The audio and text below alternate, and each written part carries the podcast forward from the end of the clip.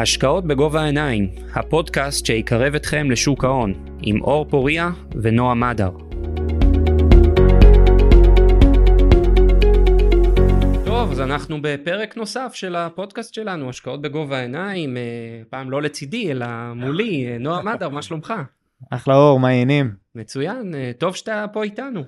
אתה יודע, צריך גם, צריך גם לעשות שיחות שלנו ככה, יותר לדבר על השוק ולא רק לארח, אלא באמת אני חושב שהסיטואציה שנוצרה עכשיו, היא משאירה הרבה אנשים באי ודאות כזה, איך מתנהלים, ו... ואני חושב שזה פרק מאוד חשוב שאנחנו עושים בשבילה.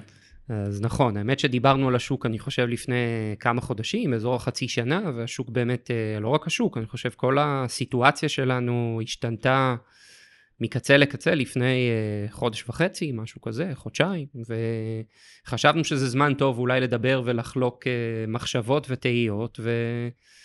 אה, שמח על הרעיון והיוזמה. כן, אתה יודע, זה, זה קצת מזכיר לי שנראה לי באזור דצמבר, היו חבר'ה שנגיד, אתה יודע, לקוחות, או לקוחות בפוטנציה, כאלה שדיברתי איתם, אה, ואמרו לי, לא, אנחנו הוצאנו את הכספים שלנו מהפוליסות חיסכון. אמרתי להם, אה, למה? אומרים, כי גם 2022-2023 הולכת להיות שנה קשה.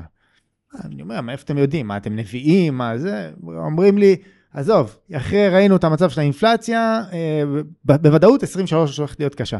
ואז כמובן הם הפסידו את הראלי של תחילת שנה, ואז אתה יודע, השנה התגלגלה כפי שהיא, וכמובן שפוליסות חיסכון הן מחולקות ישראל וחו"ל, אז מי שהיה שם דווקא הרוויח וכולי. ואז הגיעה הסיטואציה הנוכחית, של מלחמה שאף אחד לא חזה. וגם כאן, אפילו אחרי הירידות האלה, כשדיברתי עם uh, חלק מהאנשים, אם זה לקוחות, שאתה יודע, להכניס לקוחות לפוליסות חיסכון וכולי, הם דיברו איתי באותה צורה. לא, לא, מה פתאום, עוד תהיה מלחמה עם חיזבאללה, זה אה, משהו ארוך, השוק עוד ירד המון, וכבר ראינו את השוק מסתכן איזה עשרה אחוזים רק בארץ מהתחתית. תגיד, אני אשאל אותך שאלה. אם, אם בשנה שיש לך גם העלאות ריבית, וגם חששות ו- ושוק שנופל עשרה או כמה, עשרה, חמש עשרה אחוז על אה, הפיכה משפטית שכרגע נראית שהיא לא, לא על הפרק. ואתה מקבל עוד מלחמה, כי מתי תקנה אם לא עכשיו? בדיוק, בדיוק, זה... וזה מדהים כמה אנשים שמתיימרים להיות המתוחכמים, כי הוא אומר זה לא זמן לא להיכנס, כי, כי זה הגישה המתוחכמת, הם פועלים בדיוק הפוך ממה שהמשקיע המתוחכם היה עושה, שאומר זה בדיוק הזמן להיכנס, כי השוק מאוד זול כרגע. עכשיו, באמת דיברנו על זה שבשלוש שנים האחרונות קרה בארץ, בשוק הישראלי, כל דבר שיכול לקרות. כלומר, ראינו וירוס אחד ל-100 שנים, ראינו חזרה של האינפלציה אחרי 40 שנים, ראינו עליות ריבית אחרי 15 שנים, ועכשיו מלחמה אחרי 15 שנים, כמעט 20 שנים אפילו. כלומר, השוק הישראלי כבר חטף הכל. ו... ורפורמה. והרפורמה, אגב, נכון, והרפורמה שזה, לא יודע אחת לכמה זמן קורה דבר כזה, נקרא לזה אחד ל-30 שנה, אם אנחנו, 20 שנה, אם אנחנו אומרים, בהתנתקות היו אותן הפגנות. ואנחנו מוצאים את עצמנו בשוק ישראלי שבחמש שנים, מצ... עלה רק, רק אה, בשנתיים, עלה רק ב-2019 ועלה רק ב-2021. ויותר הזדמנות מזה, אני... ובשנים שהייתה צמיחה מואצת. צמיחה מואצת, 2022 היה פה אה, גידול בתוצר של כמעט 7%. צמיחה של 106 אחוז. כן, כן. אני חושב שחזרנו פלוס מינוס לתמחור של 2015, 2016, נכון? בנקודה מסוימת היינו ב, ב, ברמת הכמעט עשור אבוד, שמונה שנים אבודות. שמונה שנים שהכלכלה הישראלית צמחה ב... כמה? לא, לא יודע להגיד, 20-30 אבל, אחוז? אבל בוא נגיד בממוצע של 4, 4 אחוזים בשנה, אז כן, אתה, אתה יודע מה זה. אפילו יותר. כן. אז, אה, אז, אז באמת שאני חושב ש... קודם כל, אנחנו כבר לא בנקודה הזאת של 2015, זה היה בתחתית של התחתית בזמן המלחמה. נכון, לרגע צילום הפרק הזה, אנחנו כבר תיקנו קצת מהתחתית, אבל עדיין נראה שהשוק היום נמצא באיזה נקודה של 2017 בערך, ומשהו חסר. אנחנו, אנחנו לא, לא, לא רואים את ה... לפחות אני לא מצליח לראות איך אחרי המלחמה משהו פה משתנה דרמטית. אני לא רואה מצב ש... אה, לא קונים בתים יותר, אני לא רואה מצב ש... אה, לא טסים לחו"ל. לא, טס, לא טסים לחו"ל. לא נוסעים לחו"ל, לא יוצאים לחופשות. חופשות, אה, לא עושים ילדים, ש, שמשהו כזה ישתנה. אני, אני פשוט לא רואה את זה. נהפוך הוא, יש הרבה שאומרים שאולי יש, עכשיו יהיו, תהיה אנטישמיות בעולם, ויכול להיות שדווקא אנשים ינצלו את המצב לחזור, ואז זה... או בייבי בום, יכול להיות שיהיה מצב של בייבי בום, ש... אה, ש... כמו שהיה אחרי מלחמת העולם השנייה. לא, אז... אתה נשוי טרי, אשתי עלולה לשמוע את הפרק, אל תכניס פה רעיונות. כבר עם ארבעה ילדים, אני בטוח ש... ארבעה? לא, לא. שלושה? שלושה. שלושה, סליחה. כי, אני, כי השלישי נולד בפער, אז זה כבר בלבל אותי, לא, נכון? לא, מספיק, זהו. לא בייבי ולא בום.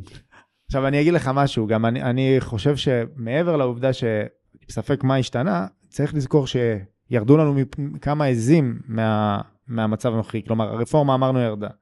העלאות ריבית. העלאות ריבית, אנחנו לקראת מקום של כבר ירידת ריבית. הורדות ריבית התקרבו. משמעותית. היום במקרה שר האוצר התבטא שהוא בעד הארכת הכהונה של הנגיד, שזה כבר צעד מאוד משמעותי, אוקיי? כי זה אומר שכנראה תהיה הארכה שלו, שאנחנו מדברים על נגיד שמאוד מוערך, מאוד אהוב בישראל. שאגב, עבר את כל החמש שנים הללו שדיברנו עליהם, כן? עבר אה, פה ארבע, חמש שנים מטורפות. אה, אז זה גם חיובי לשוק. פלוס, פספסתי, אה, וכמובן, הסכם השלום עם סעודיה עדיין על הפרק. ולדעתי, זה לא משהו שהולך לרדת. לדעתי, כל המהלך העולמי הזה, הוא בסוף לא משנה כלום. ו... אני חושב שיש פה, קודם כל, אני גם חושב כמוך שהסעודים uh, התקדמו איתנו. Uh, אני חושב שיש פה אלמנט משמעותי, שזה העם שהיה מאוד מאוד מפולג ומאוד, uh, היינו לא מאוד מאוד רחוקים מסוג של מלחמת אחים, לא מלחמה חמה, אבל מלחמה קרה כזאת. כן. ועכשיו אנחנו שוב כולנו וביחד ננצח, והיום הנרטיב הוא נרטיב של אחדות ושל... וזה גם מאוד משמעותי. כן, כן. האמת שאתמול באמת ראיתי איזשהו סקר בערוץ 2 אה, של אה, מה, מה אתם רוצים לעשות עם רצועת עזה אחרי זה. ובשונה מבדרך כלל, ממש היה איזה 60 אחוז רוצים אה, להשאיר אותה של ישראל. שאני מספק אם אי פעם בהיסטוריה מאז קום המדינה הייתה איזו גישה כזאת, אז כאילו הגישה הזאת של הישראליות. חלומו הרטוב של אה, בן גביר. דיברו על זה אפילו ברמת הנקמנות, שכאילו זה בגלל שהעם מונע כרגע מנקמנות, אז, אז אם זה באמת יישאר, זה יכול להיות מאוד מעניין. אה, תראה, הממשלה תיפול, אנחנו, זה, זה, אני מעריך את זה ברמה מאוד גבוהה, ולפי הסקרים נראה שהולכים כולם למרכז, כאילו יש איזושהי שאיפה מרכז, מרכזניקית. רבים יגידו שזה היה מחיר גבוה מדי בשביל להפיל את הממשלה. זה מחיר מאוד מאוד קשה וגבוה. אבל אה, שוב אני אומר, לדעתי די, די תפרנו את כל מה שאפשר בחמש שנים, אפילו בשלוש. אתה אומר לפנינו החמש שנים הטובות. אני חושב אפילו יכול אה, במקום, תראה, או שאנחנו ניכנס לאיזה עשור אבוד אה, בתשואות בגלל, בגלל החוב שנצבור בגלל המלחמה, או שבאמת, כמו שאתה אומר, אנחנו הולכים להיכנס לחמש שנות זהב, שבהם המדד אולי אפילו פתאום יכפיל את עצמו. אין, אי אפשר לפסול את זה. יכפיל את עצמו? תראה, ברמת המכפילים עצמם שאנחנו רואים, זה לא, לא כזה מופרך. בוא נגיד שאני יכול לראות את התל אביב 35 ב-2500, שזה מעל 50 אחוז עלייה. כן. לדעתי ב... גם בשלוש שנים יכול להיות ריאלי. נכון, עכשיו תיקח בחשבון שה-90 הוא יותר, אה, למרות שהיה שינוי במבנה קצת, ה-35 נהיה יותר טכנולוגי. אה, מאז הכניסה של קאמטק, אה, ו, ובכלל, יש לנו יותר חברות טכנולוגיות ממה שהיה שם בשלוש שנים, עד לפני שלוש שנים, אה, ואנחנו יודעים שחברות טכנולוגיות מופיינות במכפילים גבוהים יותר. ולכן אני חושב שאפשר... שהמדד היום הוא במכפיל מאוד נמוך. שהמדד היום הוא במכפיל חד ספרתי, ואנחנו יכולים למצוא את עצמנו באמת, אה, והבנקים נמצאים ב-0.75 על ההון, 0.8 על ההון. אה, אנחנו יכולים למצוא את עצמנו באמת באיזשה, באיזשהו ראלי מאוד יפה. איך, איך אמר מישהו, תמיד יקרה פה משהו. זה, זה ברור לנו. איך, איך אתה אומר, הברבור השחור זה שלא יקרה משהו. כן. משהו כזה, נכון? זה... כן, כן, ש, שכל שנה יש לך, אין לך שלוש שנים רצופות ש, של ש, שלא קרה כלום. אז כן. אז באמת, אה, אז הברבור השחור זה אולי שלא יקרה משהו. השאלה, האם הדברים הבאים שיקרו הם יהיו כאלה דרמטיים? עכשיו, פה אנחנו מדברים על כסף, אה, נקרא לזה קצר מועד, אה, מועד בינוני. בכל הקשור לפנסיות, אה, קרנות השתלמות, אנחנו באותה גישה, אין, אין בכלל מה להסתכל על זה בטווח הקצר מבחינת ה... להפחית סיכון בטוח שלו. ברור. אה, האמת שאתה יודע מה, אני יכול להגיד ש... אני חושב שהציבור הישראלי מאוד התבגר, דווקא באירוע הנוכחי, ואני חושב שעם כמות האנשים שאני מלווה, אני כבר סוג של מדגם מייצג. לא חושב שמישהו התקשר ואמר לי, תקשיב, זה זמן לצאת, זמן לברוח. אולי אחד? זאת אומרת, היו הרבה ששאלו אותי איך מנצלים את המצב, זאת אומרת, אה, אז אולי אתה תגיד שאני מלווה אולי אנשים שהם לא, שהם לא, מי, לא גברת כהן מחדרה, אבל, אבל אני חושב שאנשים אה, מבינים שזה זמן או לא לעשות כלום, או זה לבטח, או אולי אפילו להגדיל חשיפה ולנצל את ההזדמנות הזאת, ו- וכן להשקיע, וכן הרי... אנחנו מבינים שכל אנשי הפקדונות זה דווקא הסיפור הזה זה לא חדשות טובות בשבילם. לא, פקדונות רואים, זה, זהו. זה, זה אפשר להגיד שזה שירת הברבור של הפקדונות. אה, אנחנו רואים ירידת ריבית, אנחנו רואים אה, תשואות יורדות, אנחנו רואים מי שקיבל 4 ו-5 אחוז כנראה הולך להשתנות, ו... וזה הזמן לצאת מהבונקר הזה ו- וללכת למניות וללכת לאפיקים עם, עם מס ריאלי ולא פיקדון, ברור. ואפיקים... אה, תראה, טוב, ברמת הפקדונות, מה אנחנו מדברים? על בערך 4.5 אחוזים שנה קדימה. בשנתיים אתה מקבל פחות. אתה יודע, אם אתה סוגר שנתיים, אתה לא מקבל 4.5 לשנה, אתה תקבל פחות. אז בוא נגיד 4.5. תוריד מס. תוריד, כמובן שיש את המס ש- אה, אה, עצמו של ה-15% נומינלי, אבל בלי קשר, אם אנחנו מסתכלים רק על מסלולי אג"ח אפילו, היום במסלול אג"ח אתה יכול אה, לקבל לעצמך תשואה של באזור 6% בלי, בלי, בלי אפילו להשתגע. קצת יותר. בלי, בלי לקחת סיכונים יותר מדי גבוהים. אה, וכמובן יש לך מס ריאלי במקרה הזה, אם אנחנו מדברים על אה, פוליסת חיסכון, גמל להשקעה וכולי. לעומת שאם אתה בפיקדון, יש לך את ה-15% נומינלי, עליהם אתה לא יכול... זה עוד אה, מגדיל את הפער, ויש לך, אין לך נזילות. כן, כמובן. כן, לגמרי.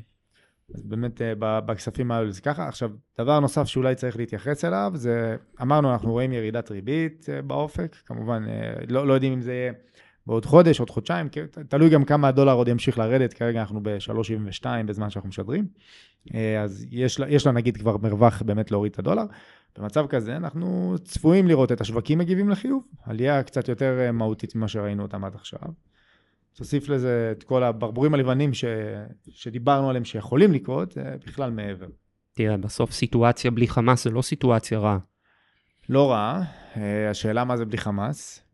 אני אה, חושב שגם אם חמאס אה, יישאר בקונסטלציה מסוימת, הוא לבטח יהיה מורתע להרבה מאוד זמן. כמו שראינו במלחמת לבנון, שהייתה מלחמה לא טובה. זאת אומרת, סיימנו את המלחמה כולנו עם תחושה חמוצה. נכון. רצינו להכריע את חיזבאללה, רצינו להחזיר את החטופים, רצינו המון מטרות שאף אחת מהן לא התגשמה, נכון. אבל קיבלנו גבול שקט כמעט 20 שנה. קיבלנו גבול שקט, שקט, אה, ש... אבל בוא נגיד זה היה מרומה. קיבלנו את זה תוך כדי שה... שחיזבאללה מאוד התעצמו בפרק זמן הזה, ואני בספק אם זה משהו שהמדינה תלך עליו עוד פעם. מצד שני, אנחנו אלופים ב... בדחיינות פה, בלגלגל את זה. את הבעיה. לדור הבא. אז גם זה סימן שאלה מאוד גדול. לא, תראה, החמאס בטוח חטף מכה והחמאס בטוח נחלש, ואני מניח שלא נראה הצקות ו- ומתקפות בתדירות שראינו ב- בשנים האחרונות. לא יודע, אני כבר לא, לא, לא בגישה כזאת. צריך להגיד שדעתנו הביטחונית היא לא טובה יותר מדעה של אחרים, אלא אנחנו רק אומרים את דעתנו. אני יותר, אני יותר הגישה האופטימית שלי, בוא, בוא נקרא לזה התזה האופטימית שלי, נובעת מזה שיהיה המשך מהלך, רצועת ביטחון כמו שיש היום ביהודה ושומרון, ואז במצב כזה אנחנו יודעים לחיות. אנחנו יודעים לחיות עם המצב הזה שיש אה, רצועת ביטחון, ו- וכמובן שהצבא מסתובב שם, ממש כמו ביהודה ושומרון. זה לא ביטחון מושלם, תמיד נהיה לנו תקועים שם שני מיליון אה, עצמות האלה, אבל uh, זה יותר טוב מהמצב של ניתקנו כל פעם מערכות מול חמאס, uh, וכמובן זה הפך להיות לא על. בסיס של פעם בכמה שנים, אלא על בסיס של פעם בכמה חודשים. השוק כבר הפסיק להגיב לזה, אם אתה זוכר, בתקופה, זה היה טילים, זה לא משנה, השוק עולה, פשוט תגיד, לא. אם אתה יודע שעוד יומיים השוק יעלה, אתה תמכור היום? לא, לא, למרות שיש כאלה שכן, אנחנו רואים כבר שיש כאלה שכן. Um, עכשיו אנחנו בעצם, היום המבנה של הפוליסת חיסכון, גמל להשקעה, הוא גם מאוד שונה. בעבר, אם היינו רואים באמת יותר חשיפה uh, ישראלית, או משקל יותר גדול ישראל, היום המשקל uh, מוטה חו"ל. Uh, גם במסלולים המנהלתיים, גם בכלליים. ככה שגם מצב שמלחמה פתאום חוזרת, מסתבכת, אנחנו לפחות נהנים מעליית הדולר במצב כזה. אה, גם משהו שמשפיע ברמת המוצרים. משפיע פעמיים. פעם אחת על התמחור של המניות של חו"ל, כמובן. ופעם שנייה, על, צריך להגיד שחצי מהמדד המקומי הוא מדד של מניות דואליות, זאת אומרת שהמחיר שלהם נקבע בחו"ל ובדולרים. זאת אומרת נכון. שאם היום הדולר עלה באחוז, אז קח עוד אחוז למחיר של אה, נייס וטבע ואופקו וכל השאר המניות הדואליות. אז אה, כן, יש פה גידור טבעי, השוק פה, השוק בעיקר מאוד מאוד זול, צריך להגיד את זה. אז באמת אם אנחנו מסתכלים על חיסכון ארוך טווח, אמרנו אין מה לשנות, אולי הגדלת סיכון למי שיכול, אה, וחיסכון אה, חיסכון שוטף, אם אנחנו מדברים פוליסת חיסכון, גמל להשקעה, אה, מקומות כאלה, כרגע בעדיפות מאוד גבוהה ביחס לקרן כספית, פיקדון, שמכאן הדרך שלהם היא יחסית למטה, לעומת הכלים המקבילים שדווקא יכול להיות בהם איזשהו יתרון. צריך להגיד שבפוליסות החיסכון, זו אולי נקודה שטוב שאתה מעלה, יש מסלול ש... שאו שהוא נקרא שקלי, או פיקדון פלוס, או שזה מסלול שהוא עדיף על פיקדון ועל קרן כספית בהגדרה. אה, הוא גם כולל מס ריאלי, הוא גם כולל נזילות, הוא גם כולל אפשרות לשינוי מסלולים בלי אירועי מס. נניח שאתה היום רוצה להיות ב... באיזשהו בונקר ומחר אתה רוצה לעבור, אתה עושה את זה בלי, בלי לשלם מס על מה שהרווחת. אתה יכול למנף את הכסף, אתה יכול הרבה מאוד דברים, וזאת אומרת, מי שהיום רוצה ללכת לפיקדון או קרן כספית, יש חלופה עדיפה ומוזמנים כמובן אה, לדבר איתנו ונשמח להרחיב. מה היית אומר היום נגיד לחוסך שאומר לך, תקשיב, אני מבחינתי הולכים למלחמת עולם. האמת, לא חושב ששמעתי את זה כל כך. אה, שמעתי על מלחמה אזורית, אבל אה, לא יודע אם מלחמת עולם. תראה, תמיד יש לך סיכונים. אבל לדעתי אם מחר, גם אם מחר יש אירוע אירוע מול לבנון, אנחנו נראה פה יום יומיים של ירידות, אנחנו לא נראה פה עוד מינוס 20 אחוז, ואז אז אני גם אדע לקנות או לדע להשקיע ב- ב- ברמת ודאות הרבה יותר גבוהה, כי אני ארגיש שעוד דבר, עוד, עוד חוסר ודאות ירדה לי מהשולחן, כי ברגע שיש כבר לחימה עם חיזבאללה, מה כבר יכול להיות יותר גרוע? אז אני אומר, יותר גרוע מזה לא, לא יוכל להיות, וזה כבר, תמחור כבר כולל את הדבר הזה, ואין לי את ה... כמו שאתה אומר, הסכנה היחידה של מי שקונה היום זה רגע, אולי תהיה עוד ירידה על חיזבאללה. אבל ברגע שעברנו את זה, אז זה, אתה יודע, זה קצת קנה בשמועה, מכור בידיעה, רק כן, הפוך. כן. אז, אה, אז נראה לי שזאת תהיה אחלה הזדמנות קנייה, אם וכאשר זה יקרה. למרות שהנחת העבודה שלי היא ש, שזה לא שם. ואם אנחנו עכשיו מסתכלים קצת על הנושא של נדל"ן, אוקיי? אנחנו יודעים כל אחד והגישה שלו לגבי נדל"ן בארץ, ו... יש פה משהו קצת יותר מורכב. אה, עובדים זרים לא הולכים, כלומר עובדים זרים, אני מדבר, אה, עובדים, פועלים מעזה לא ייכנסו יותר לעולם, כמות לא מבוטלת. אה, עובדים מהגדה, יהיה לנו פה סינון הרבה יותר מהותי למי נכנס, כמה נכנס ולמה. עובדים מהודו, נפאל, כאלו שעכשיו רוצים לפתוח להם נתיב, אנחנו יודעים איך הדברים עובדים בארץ, סביר להניח שזה ייקח uh, זמן. איך היית מסתכל על זה היום בשביל, uh, לחוסך ששוקל האם להשקיע בנדל"ן היום? תראה, קודם כל אני לא כל כך בטוח לגבי פועלים מעזה, אני חושב שבסוף מישהו ייקח אחריות על עזה, אם זה אנחנו, אם זה רשות פלסטינית, אם זה גורם אחר שאני כרגע לא, לא חושב עליו, ובסוף זה אינטרס של כולם שהפועלים האלה מעזה ייכנסו ויבואו לעבוד, והם יחזרו הרבה יותר מהר ממה שנדמה. אה, דעתי, שוב, יכול להיות שאני טועה. אה, לגבי שוק הנדל"ן, אתה יודע את דעתי, אני חושב שנדל"ן לא יכול לעלות בריבית כזאת, אה, אפילו צריך לרדת. אה, אני חושב שיש אלטרנטיבות הרבה יותר טובות בשוק ההון. אה, אם זה מניות נדל"ן שאתה יכול לקנות הרי במכפילים הרבה יותר נמוכים, לקנות חברות נדל"ן עם פיזור, בלי מינוף, בכסף הרבה יותר נמוך, ו, ו, ומי שאופטימי על מחירי הנדל"ן זה, זה כמובן שזה עדיף. אה, ויש גם חלופות עדיפות, עדיפות על מחירי הנדל"ן, זה לא שמניות הנדל"ן הן המניות הזולות ביותר כן. אבל אני חייב להגיד לך שאני קצת פחות פסימי על שוק הנדל"ן מאשר מה שהייתי לפני המלחמה. מכיוון, מעניין, למה? מכיוון אחר, כי אני פשוט חושב שזה קרב לנו את הורדות הריבית. אני לא חושב שהריבית תרד לרמות שאתה יודע, בשביל שהנדל"ן יחזור לעלות, אנחנו אה, צריכים לדבר על... 2-3. ריבית של 2-3 לפחות, ואוקיי, אז היא לא תהיה 5, היא תהיה 4. 4, 4 ורבע, עדיין הנדל"ן צריך לרדת. אבל אם חשבתי שהנדל"ן צריך לרדת, אני לא יודע, 15 אחוז, אז עכשיו אני אומר, אוקיי, הוא צריך לרדת עוד 10 אחוז, ו... זאת אומרת, אני מאוד מאוד פסימי, אבל uh, המלחמה דווקא אצל הרבה אנשים, הרבה אנשים הפכו להיות פסימיים על שוק הנדל"ן בעקבות המלחמה. נכון. אני חושב שהמלחמה היא דווקא חדשות לא רעות לשוק הנדל"ן, אבל עדיין אה, מעט מדי ומאוחר מדי אולי, זאת אומרת לא מספיק כדי ש... שאני אפילו אהיה ניטרלי על שוק הנדל"ן. אגב, בדיוק שבוע שעבר פורסם על ידי הלמ"ס שמהשיא אה, מחירי הנדל"ן ירדו באזור ה-8.5 אחוזים, נכון, מהשיא. צריך להזכיר שירידה מהגבוה זה לא כמו עלייה מהנמוך, אז זאת אומרת, מספיק זה, לרדת זה מקזז חמישה... עלייה של 9-10 אחוז.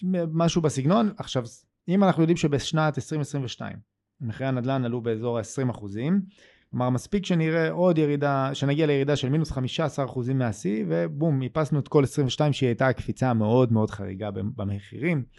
אה, אגב, אני מאמין שכבר בשנת 2024 אנחנו נהיה במקום הזה, בגלל סביבת הריבית הצפויה. אה, ואגב, זה מצחיק, אני... דווקא בדירות היוקרה, אגב, שהייתי בטוח, אתה יודע, לפני שהתחיל כל המהלך הזה של הריבית, הייתי בטוח שמי שייפגע זה יהיה הדירות הרגילות, השוטף, האזורים למיניהם. ומסתבר שבאמת, אמנם הייתה ירידה של 40-50 אחוז בשוק, בקניות, אבל שוק הנדל"ן, היוקרה, ירד 85 אחוזים, שזה מטורף. כי אני הייתי בטוח, מי שיש לו כסף, מה אכפת לו אם הדירה עולה 4 או 5 מיליון שקלים, הוא קונה. ומסתבר שעליהם זה השפיע הרבה יותר. תראה, אני חושב ששוק אמ, הנדל"ן לא סיים לרדת, אני חושב שהשמונה וחצי אחוז שהלמ"ס פרסם לא, מג... לא מגלם את הירידה האמיתית בשוק. כי אין באמת קונים, זאת אומרת, זה לא שעכשיו אתה תבוא ותנסה למכור דירה במינוס שמונה וחצי, מישהו יקנה. Mm-hmm. ופשוט עוד לא היו עסקאות, זה, זה כמו מניה שהיא לא שכירה, ואתה יודע, נגיד שיש את האי שוק ההון, אז נניח שיש מניה שהיא ב-100 שקל, והמחיר האחרון היה 90 שקל, אבל בפועל כשאתה מסתכל על הקניות מכירות. אתה רואה קונים ב-75 ומוכרים ב-85. אז ה... שני השחקנים מופסדים. 90 לא, לא מייצג, זאת אומרת, המחיר הריאלי הוא בין 75 ל-85. אז אני חושב ששוק הנדל"ן הוא לגמרי שם. זאת אומרת, המחירים ירדו הרבה יותר ממה ש... מהנתונים. כן, באמת יצא לי להגיד אה, ללקוח מאוד עמיד שלי, ש... שהוא קנה דירה בכמה מיליונים טובים, ואמרתי לו, היום כנראה אם תמכור אותה, אתה תצטרך להכיר בהפסד של בערך מיליון, מיליון וחצי שקל. והוא אמר לי, תאמין לי, אפילו, אפילו יותר, לדעתו. כלומר, זה לא שהציבור אה, נשאר אדיש לזה, הוא באמת, אה, הוא באמת רואה את זה מול העיניים שלו. יש לי חבר טוב שקנה, בנה בעתלית דו-משפחתי, ועתלית זה באמת אה, מקום ש... שהמחירים בו מאוד עלו, ושוק עם הרבה ביקושים. ולפני שבעה, שמונה חודשים, הוא אמר לי, תשמע, אה, הציעו לי עליה 3.8 מיליון, אמרתי לו, אתה, מה, אל תחשוב פעמיים, תמכור, כן, אני גם חושב, בסוף הוא לא מכר. והוא רצה למכור עכשיו, הוא שקל אולי לרדת מהארץ עם כל ההפיכה וכאלה, ופרסם את הדירה בשלוש וחצי, והוא אמר לי, תקשיב, אין, אין, אין קונים. בעשר אחוז פחות.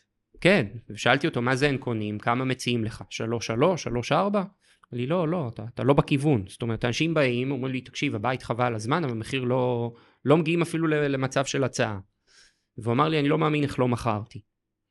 ממש ברמה הזאת. לא יאומן. אז באמת, אה, אתה יודע, זה, זה, זה טוב. אני, אני אגיד לך מה הדבר הכי טוב פה. אני תמיד אומר שלא לומדים כלום משנים של עליות, לומדים בעיקר מירידות. אז קודם כל יש פה דור באמת אה, שלא זוכר שיש ירידות מחירים. דור שלא מכיר את זה משנות האלפיים, אה, מתחילת שנות האלפיים. היו לנו 15 שנה של אה, ירידות רצופות, מ-94 עד 2008. כן, לא מכירים את זה, ו- ואני חושב שדווקא עכשיו זה, זה שיעור טוב לדור הזה, שיגיד בואנה, יש לי פה משהו לדעת. הנה, אני, כשאני הגעתי לתקופה הזו, אני תמיד זכרתי את הירידות האלה, כמו שציינת, את ה-15 שנים הללו. והייתי משתמש בהם הרבה פעמים בשיקולי דעת, בשיקול, בשיקול הדעת של שוק הנדל"ן. ועכשיו, ו, והשחקנים שלא היה להם את זה, הם לא הכירו את זה, ועכשיו צומח פה דור שבעצם כן יכיר, וזה אה, ישפיע עליו בכל השיקולים. כמו שוק ההון, אחרי הרבה שנים של עליות, שצוברים המון המון ידיים חלשות, ו... ואז יש פוטנציאל לירידה הרבה יותר מהותית. כן, העשור של 2008, אה, מהרגע המשבר הפיננסי, באמת ראינו עשור אה, רלי מטורף. אני חושב שרק ב... 2015 אולי היו ירידות, אה, ב-2011 היה פה את הרפ... אה, לא רפורמה, איך קראו לזה אז? אה, נו, מחאת הקוטג'. מחאת הקוטג', כן. אז כל הדברים הללו. ואז באמת, אני, אני בגישה של בגלל שעכשיו עברנו בשנים האחרונות הכל, החמש שנים ה... לשוק ההון, חמש שנים הוורודות בפתח, לשוק הנדל"ן ייקח עוד כמה שנים להתאושש. תראה, יש הרבה בשוק הנדל"ן, הרבה אנשים שראו הרבה עצירות, הרבה ירידות קטנות, ואז זה חוזר לעלות, והרבה חושבים שמה שהיה זה מה שיהיה גם עכשיו. ואני חושב שהפרמטר שמאוד מבדיל בין האירועים האלה זה שער הריבית. בסוף, כשהגיע מחיר למשתכן, או מחיר מטרה, או כל פעם שהייתה תוכנית אחרת, ואנשים חיכו והמתינו, ראו, אוקיי, בסוף ריבית אפס, אין אלטרנטיבות, חזרו בחזרה לנדל"ן. היום זה כבר לא שם. זאת אומרת, אה, היום הירידות הן ירידות אמיתיות, היום הירידות הן כאן כדי להישאר, היום הירידות אה, לא קרובות לסיומן, אה, וזו סיטואציה אחרת לגמרי. טוב, אז בואו נסכם כמה נקודות שדיברנו עליהן. דיברנו על כך שמי שבמסלול פנסיוני, קרן השתלמות, אנחנו לא רואים שום סיבה להגיב למצב הנוכחי. אנחנו לא, אנחנו דווקא יותר אופטימיים אם כבר היינו יותר חושבים על הגדלת סיכון. חד משמעית. אמ, כל הנושא של פקדונות, אה, קרנות כספיות, אנחנו חושבים שזה, בוא, בוא נגיד, אה, דמדומי התקופה, ודווקא... חבר'ה, לא מנהלים השקעות בבנק. לא גם אם זה מנהלים. פקדונות או קרנות כספיות, או זה, זה א', ב' ב- בהשקעות ובשוק ההון. אתה יודע מה אתה מזכיר לגבי הלא מנהלים אה, השקעות בבנק? נכון, ברגע שנולד ילד, יש את הקופה שהמדינה פותחת לו, של החיסכון לכל ילד. והרי ברגע שבחרת, אתה יכול לבחור או בנק או בית השקעות. אם בחרת בנק, אתה תקוע שם לנצח. נגעת נסעת. נגעת, נסעת. ובאמת, אנשים היו מתקשרים אליי ברותחים על זה שהבנק לא מאפשר להם להעביר את החיסכון לכל ילד, שהם פתחו פשוט ב- ב- ב- בתמימות. בתמימות, הם לא ידעו. אומרים לי, מה, נועם, אין לזה פתרון, אין לזה פרצה? וכמובן שהתשובה היא לא, אין לזה איזושהי פרצה וזה מבאס. אולי הרגולטור יפתיע. את האמת, אה, אני חושב שהוא היה צריך להפתיע, לדעתי זה לא בשביל הבנקים שלא מאפשר משהו כזה, אתה יודע, אה, שנתקעת, ולך תילחם במשהו כזה כשיש לך כל כך הרבה דברים אחרים. אה, אז אני לא חושב שיש דרך להזיז את זה, אולי בעתיד.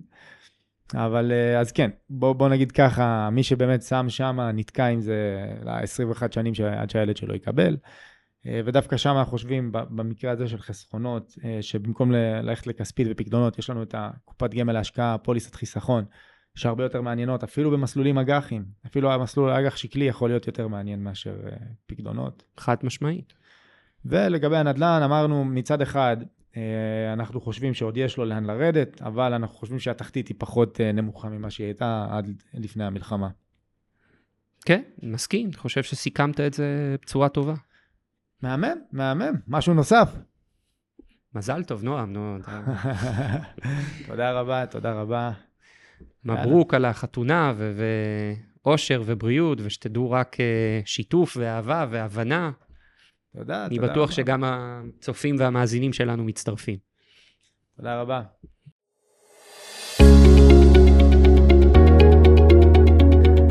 תודה שהייתם איתנו. תוכלו להאזין לנו בפלטפורמות הפודקאסט הנבחרות, אפל, ספוטיפיי וגוגל. נשמח אם תעקבו אחרינו, ובמידה ואתם מכירים מישהו שיכול ליהנות מהתוכן שלנו, נשמח אם תשתפו.